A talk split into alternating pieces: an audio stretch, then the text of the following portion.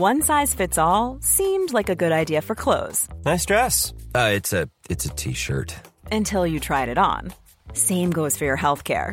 That's why United Healthcare offers a variety of flexible, budget friendly coverage for medical, vision, dental, and more. So, whether you're between jobs, coming off a parent's plan, or even missed open enrollment, you can find the plan that fits you best. Find out more about United Healthcare coverage at uh1.com. That's uh1.com. One size fits all seems like a good idea for clothes until you try them on. Same goes for healthcare. That's why United Healthcare offers flexible, budget friendly coverage for medical, vision, dental, and more. Learn more at uh1.com. Quality sleep is essential. That's why the Sleep Number Smart Bed is designed for your ever evolving sleep needs. Need a bed that's firmer or softer on either side? Helps you sleep at a comfortable temperature? Sleep Number Smart Beds let you individualize your comfort so you sleep better together. JD Power ranks Sleep Number number 1 in customer satisfaction with mattresses purchased in-store. And now, save 50% on the Sleep Number limited edition Smart Bed for a limited time. For JD Power 2023 award information, visit jdpower.com/awards. Only at a Sleep Number store or sleepnumber.com. Vad har jag gjort för att förtjäna att låsas in? Jag förtjänar inte den här fruktansvärda tortyren. Gud kan inte existera om han låter sina varelser lida på det här sättet. Det här var bara en av sakerna som Blanche Monnier skrev på väggarna i det mörka rum som hon var inlåst i på grund av sin kärlek till fel man. En man som helt enkelt inte accepterades av hennes mamma. Blanche hade levt i drygt 25 år när hon låstes in och blev sen kvar i det här mörka rummet under ytterligare 25 år innan hon återigen fick se dagens ljus.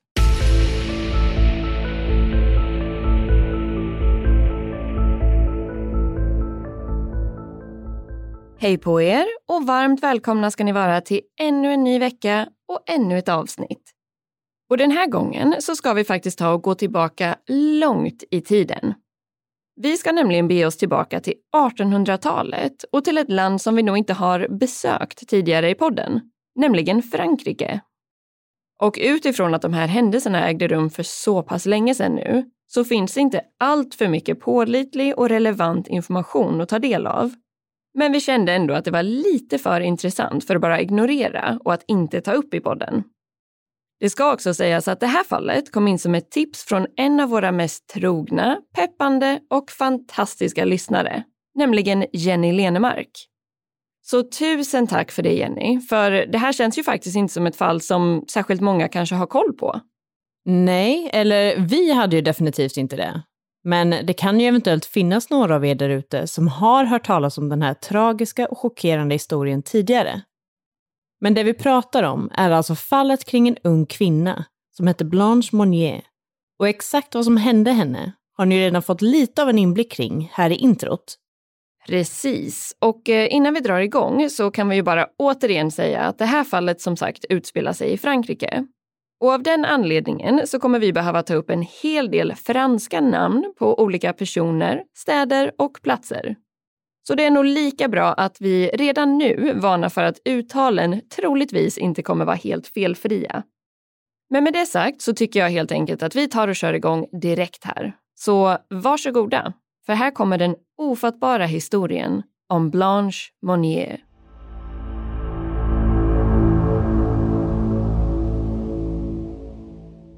Det här fallet tar oss som sagt tillbaka långt bak i tiden, till 1800-talets Frankrike. Det fanns då en fin fransk familj som hette Monnier. Eftersom att det här är ett fall som ägde rum för mer än hundra år sedan så finns det en hel del källor, men det är däremot ganska så svårt att veta exakt kring exempelvis datum. Vi har dock försökt att bekräfta datum så gott vi har kunnat. Men den här familjen bestod av pappa Charles Émile Monnier, som hade tilltalsnamn Émile. Han var född år 1820 i Amiens Somme. Han gifte sig senare med mamman i familjen, Louise Leonide de Marconnet, som är född 1825 i Poitiers. De gifte sig år 1846 eller 1847, beroende på vilken källa man utgår ifrån. Tillsammans fick de sedan två barn. Dels sonen Marcel, som vi dessvärre inte har kunnat hitta något födelsedatum på, och dottern Marie Leonide Pauline Monnier, som också kallades för Blanche. Och Blanche föddes antingen år 1849 eller 1851. Familjen har beskrivits som en respektabel övre medelklassfamilj som härstammade från en aristokratisk släkt och bodde i Poitiers i Frankrike, cirka fyra timmar från Paris. Det här är en stad som idag är med på världsarvslistan eftersom att det är en del av det som kallas The Way of St. James, som är en känd pilgrimsled. Staden har också mycket arkitektur från den romanska stilen som är väldigt populärt att se. Det här var ju alltså ett Frankrike i mitten av 1800-talet. Och om man kollar lite längre tillbaka i tiden så hade franska revolutionen ägt rum drygt 50 år tidigare. Den tog slut år 1799 när Napoleon Bonaparte tog över makten. Det här var en tid med stor förändring och en viktig tid för Frankrikes historia som ledde till flera stora revolutioner. Bland annat så upplöstes den författning som Frankrike hade haft i nästan tusen års tid vilket ledde till att adens makt minskade och att deras privilegier avskaffades. Utöver det så infördes arvsrätt för kvinnor, något som tidigare inte hade existerat. Kvinnor kunde vid den här tiden även för första gången ansöka om skilsmässa utan att behöva ange ett skäl och de kunde även ingå äktenskap utan ett godkännande från sin far. Så det var en tid i förändringens tecken som Blanche växte upp i, kan man ändå säga. Och Blanches familj var ju som sagt en fin och respektabel släkt i staden Poitiers. De bodde i en stor villa i ett fint område på adressen 21 Rue de la Visitation. Pappa Emil jobbade som chef för en konstnärlig fakultet i Poitiers och mamma Louise fick bland annat ta emot ett pris från en kommitté som hette Committee of Good Works för hennes ekonomiska bidrag till staden. Brodern Marcel var under 1870-talet utbildad advokat och hans syster Blanche var välkänd i staden för sitt vackra yttre. Och det fanns en hel del män som var intresserade av att gifta sig med henne. Hon beskrivs som en ung kvinna med vackert hår och fantastiska ögon och en kvinna med otroligt mycket glädje. Det här fallet handlar om vad som hände Blanche när hon var runt 25 år gammal, det vill säga år 1874. Enligt vissa källor ska det dock ha varit år 1876. Men återigen får vi helt enkelt lov att utgå ifrån de mest förekommande uppgifterna. I 1800-talets Frankrike så fanns det en hel del press på unga kvinnor att gifta sig. Och det här var en press som även Blanche kände av. Det var ju dessutom så att hon inte heller fick gifta sig med vem som helst. Familjens sociala status var nämligen starkt kopplad till vilka familjer som man valde att gifta in sig i. Genom att Blanche gifte sig med någon av hög social status så innebar det därför att hela familjen per automatik klättrade på den sociala statusstegen. Blanche var därför, som de flesta andra i sin ålder vid den här tiden, en kvinna som hemskt gärna ville finna kärleken.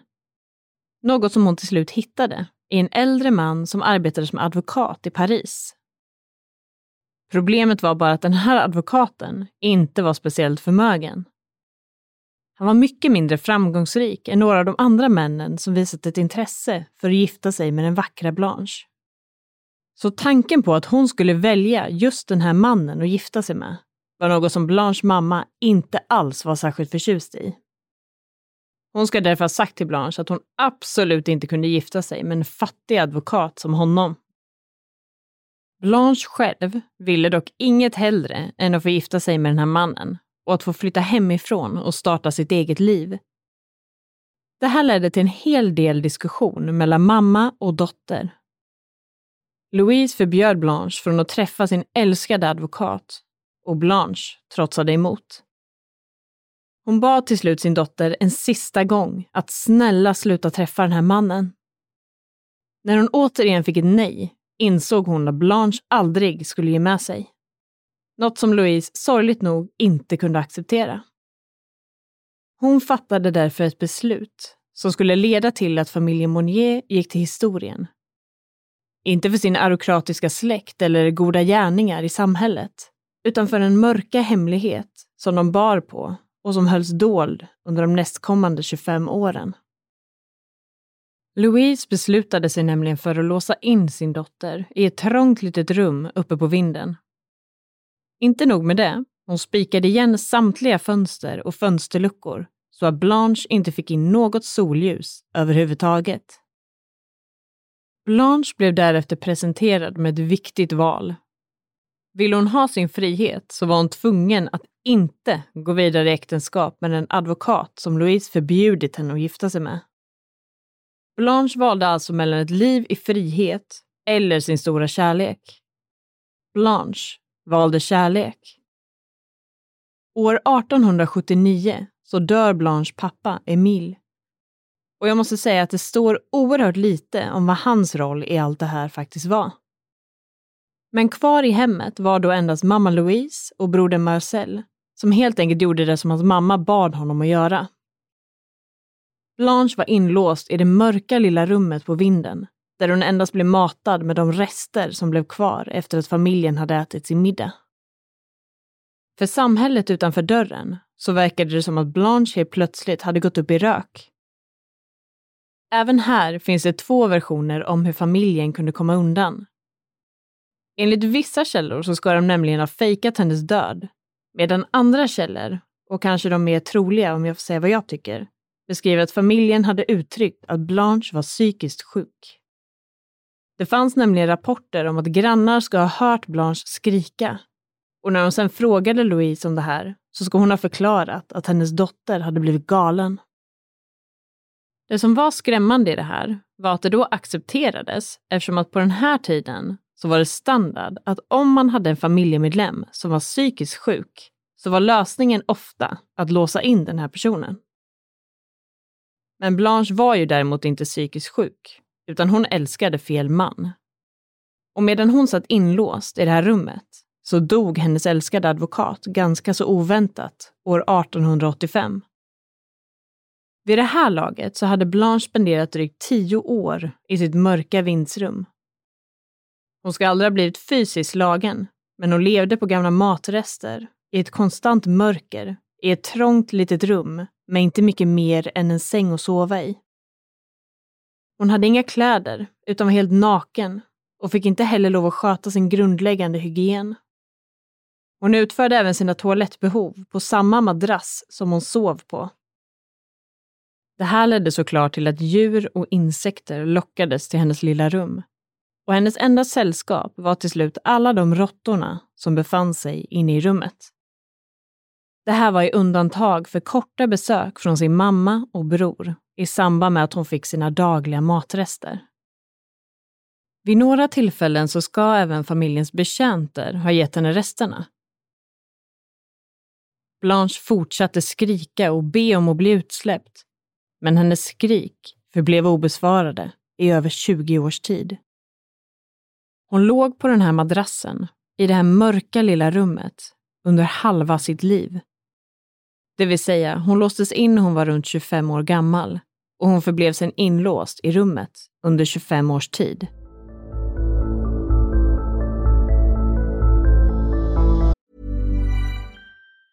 Have catch yourself eating the same flavorless dinner three days in a row? Dreaming of something better? Well, hello fresh is your guilt free dream come true baby. It's me, Gigi Palmer. Let's wake up those taste buds with hot, juicy pecan crusted chicken or garlic butter shrimp scampi. Mm. Hello Fresh. Stop dreaming of all the delicious possibilities and dig in at HelloFresh.com. Let's get this dinner party started.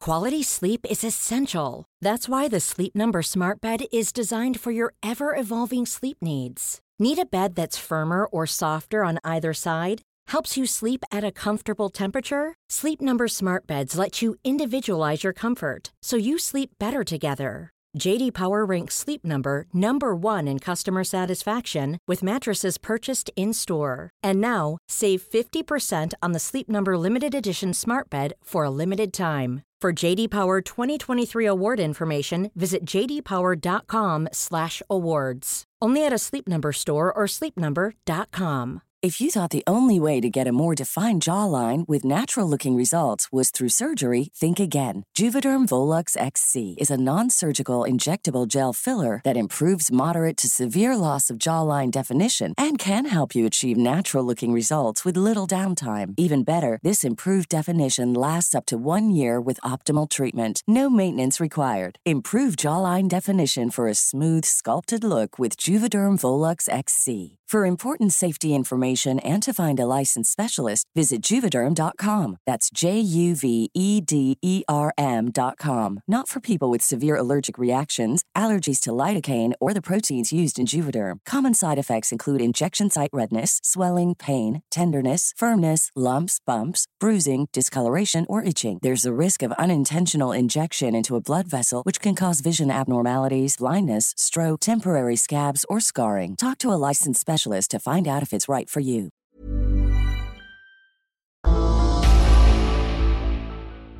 Den vackra, sociala och glada Blanche förtvinade bort mer och mer för varje dag som passerade. Vändningen för Blanche kom sedan den 23 maj år 1901. Just den här dagen anlände nämligen ett anonymt brev till justitieministern i Paris. I det här brevet stod följande. Herr justitieminister. Jag har äran att informera dig om en exceptionellt allvarlig händelse. Jag talar om en ungmö som är inlåst i Madame Monniers hus, halvt ihjälsvulten och som levt i en hög av ruttet skräp de senaste 25 åren. Med andra ord, i sin egen smuts. Det här var som sagt ett anonymt brev och än idag så vet man inte vem det var som faktiskt skrev det här brevet.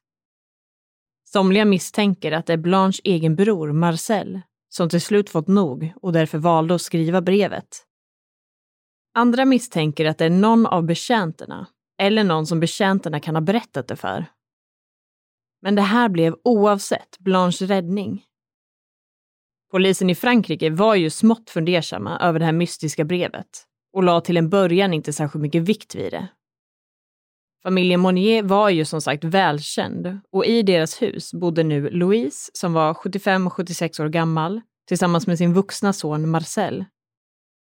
Det här var säkerligen bara någon som ville störa familjen med falska och påhittade anklagelser. Men polisen gav sig ändå iväg till huset för att kunna fastställa just detta, att anklagelserna var falska. Polisen var ju också väl medvetna om det faktum att det faktiskt hade bott en ungmö i det här huset, nämligen Blanche Monnier. När polisen kom fram till huset och knackade på dörren så kikade Louise ut genom ett fönster och ville till en början inte öppna dörren för dem.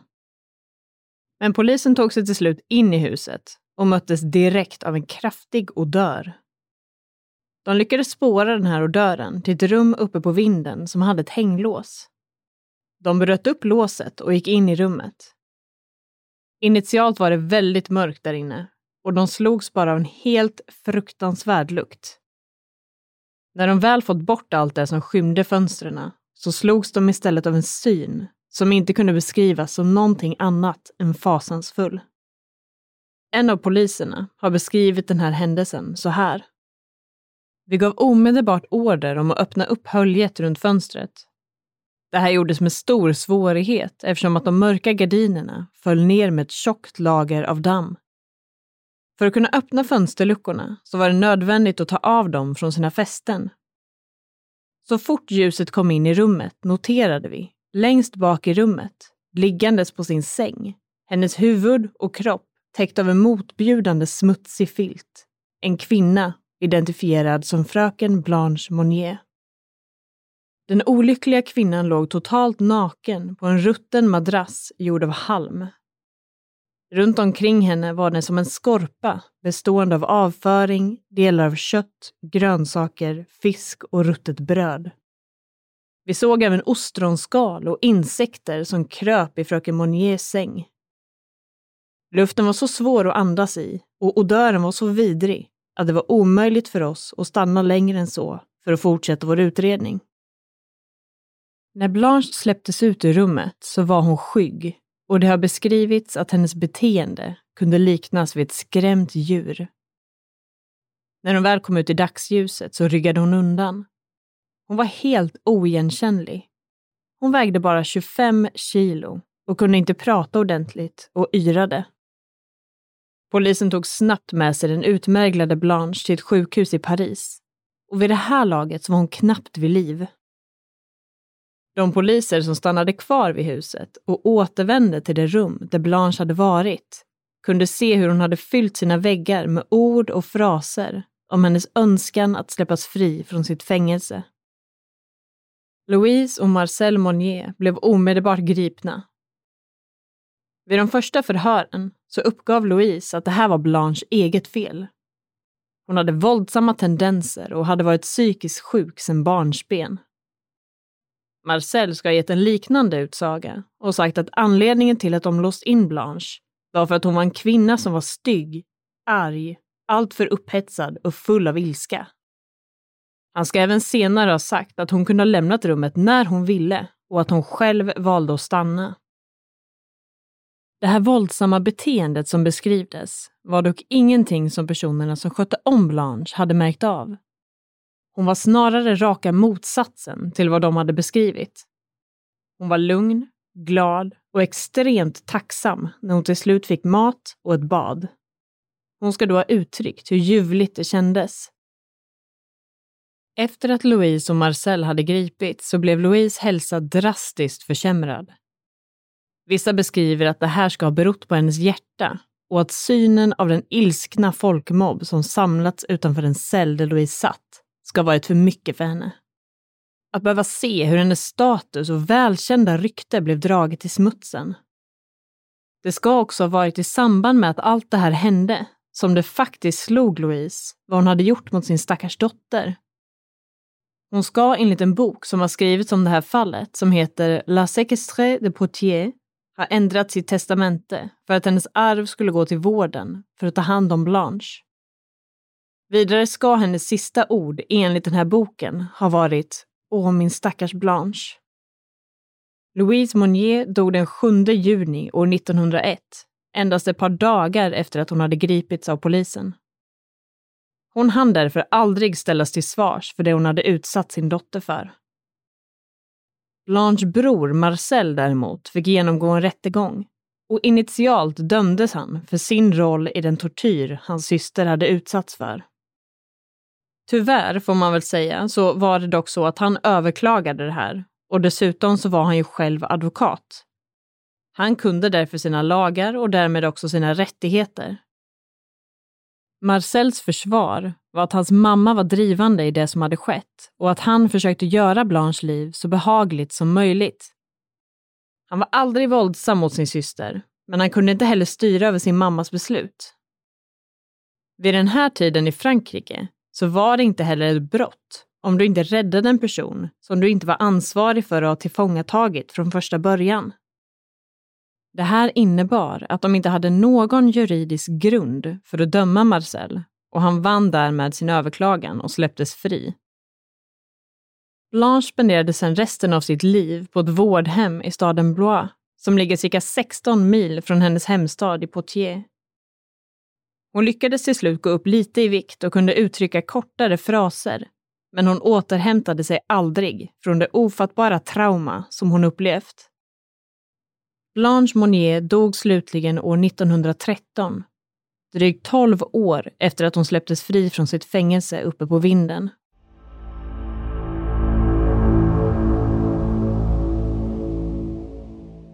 Ja, alltså man måste ju ändå säga att det var otroligt modigt och starkt av Blanche att stå upp för sin kärlek på det sättet som hon gjorde.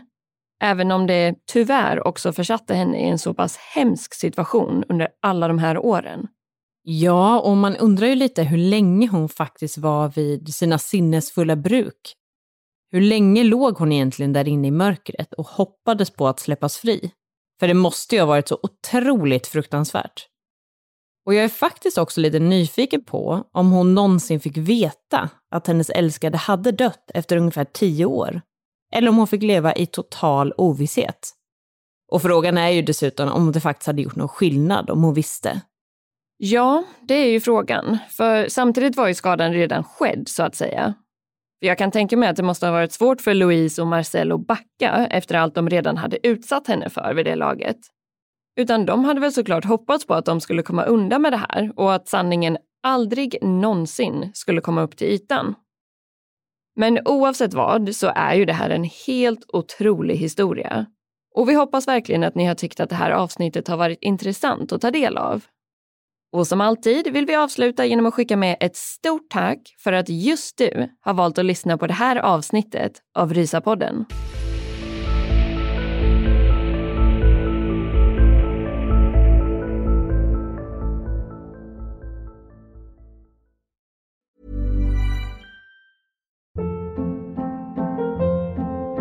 Hold up. What was that? Boring. No flavor. That was as bad as those leftovers you ate all week. Kiki Palmer here, and it's time to say hello to something fresh and guilt-free. Hello Fresh. Jazz up dinner with pecan-crusted chicken or garlic butter shrimp scampi. Now that's music to my mouth. Hello Fresh. Let's get this dinner party started. Discover all the delicious possibilities at hellofresh.com.